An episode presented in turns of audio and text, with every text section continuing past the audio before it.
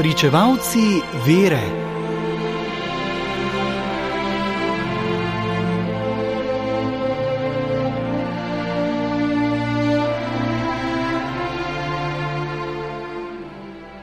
Danes zgodujejo sveti Sadot, Šahdost in tovariši, perzijski mučenci.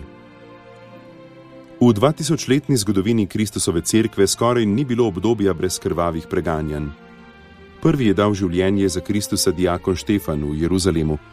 V prvih treh stoletjih je kristijane kruto preganjalo več rimskih cesarjev in njihovih visokih uradnikov.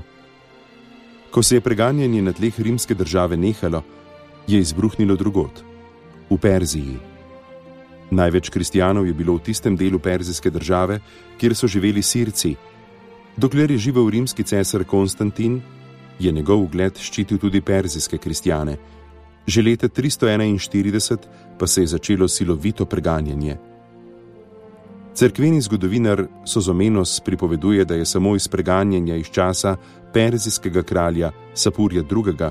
po imenu znanih 16 tisoč mučencev. V začetku tega velikega perzijskega preganjanja kristijanov je umrl kot mučenec takratni škof državne prestolnice Seleukeje Simon Barsabov nasledil ga je Sadot, to je polatinjeno perzijsko ime Šahdost, ki pomeni ljubeč kralja. Ta je zastopal škofa Simona že na koncilu v Niceji leta 325. Škofijo je vodil le malo časa, kajti že leta 342 je umrl mučeniške smrti skupaj s 128 drugimi krščanskimi pričevalci. O njihovem učeništvu je ohranjeno poročilo, ki govori, da je imel Sadot neke noči nenavadne sanje, ki jih je potem razodel svojim duhovnikom in diakonom. V sanjah sem videl lestev, ki je segala od zemlje do neba.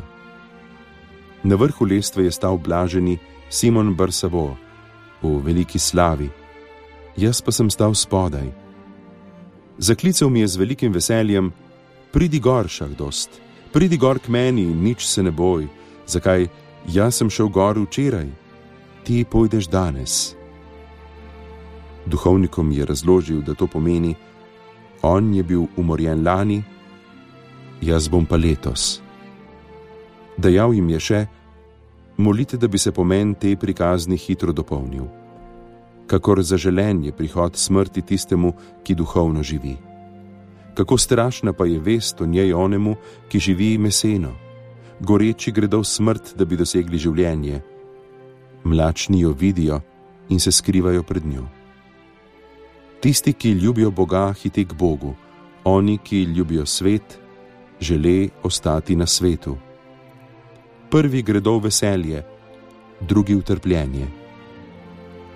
Res so ga kmalo prijeli in z njim vred po okoliških mestih in vseh 128 duhovnikov, diakonov, menihov in Bogu posvečenih devic, ter jih vrgli v ječo. Tam so jih z mukami hoteli pripraviti do tega, da bi bo kraljevemu kazu molili sonce. Sadot je učiteljem v imenu vseh odgovoril: Mi služimo Bogu iz vse duše. Sonca pa, ki ga je On ustvaril in naredil, ne molimo, ognja, ki nam ga je dal v službo, ne častimo tvojemu zlobnemu povelju se ne uklonimo.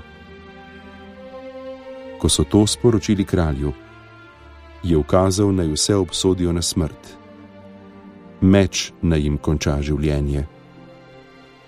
Ko so jih uklenjene v verige peljali na morišče, so enodušno in veselo slavili Boga s psalmi, dokler ni bil obglavljen zadnji med njimi.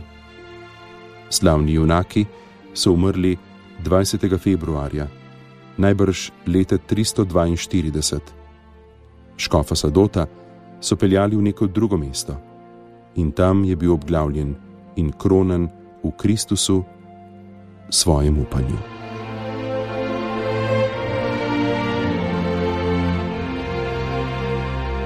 Brali smo iz knjige Svetnik za vsak dan, ki jo je napisal Silvestr Čuk.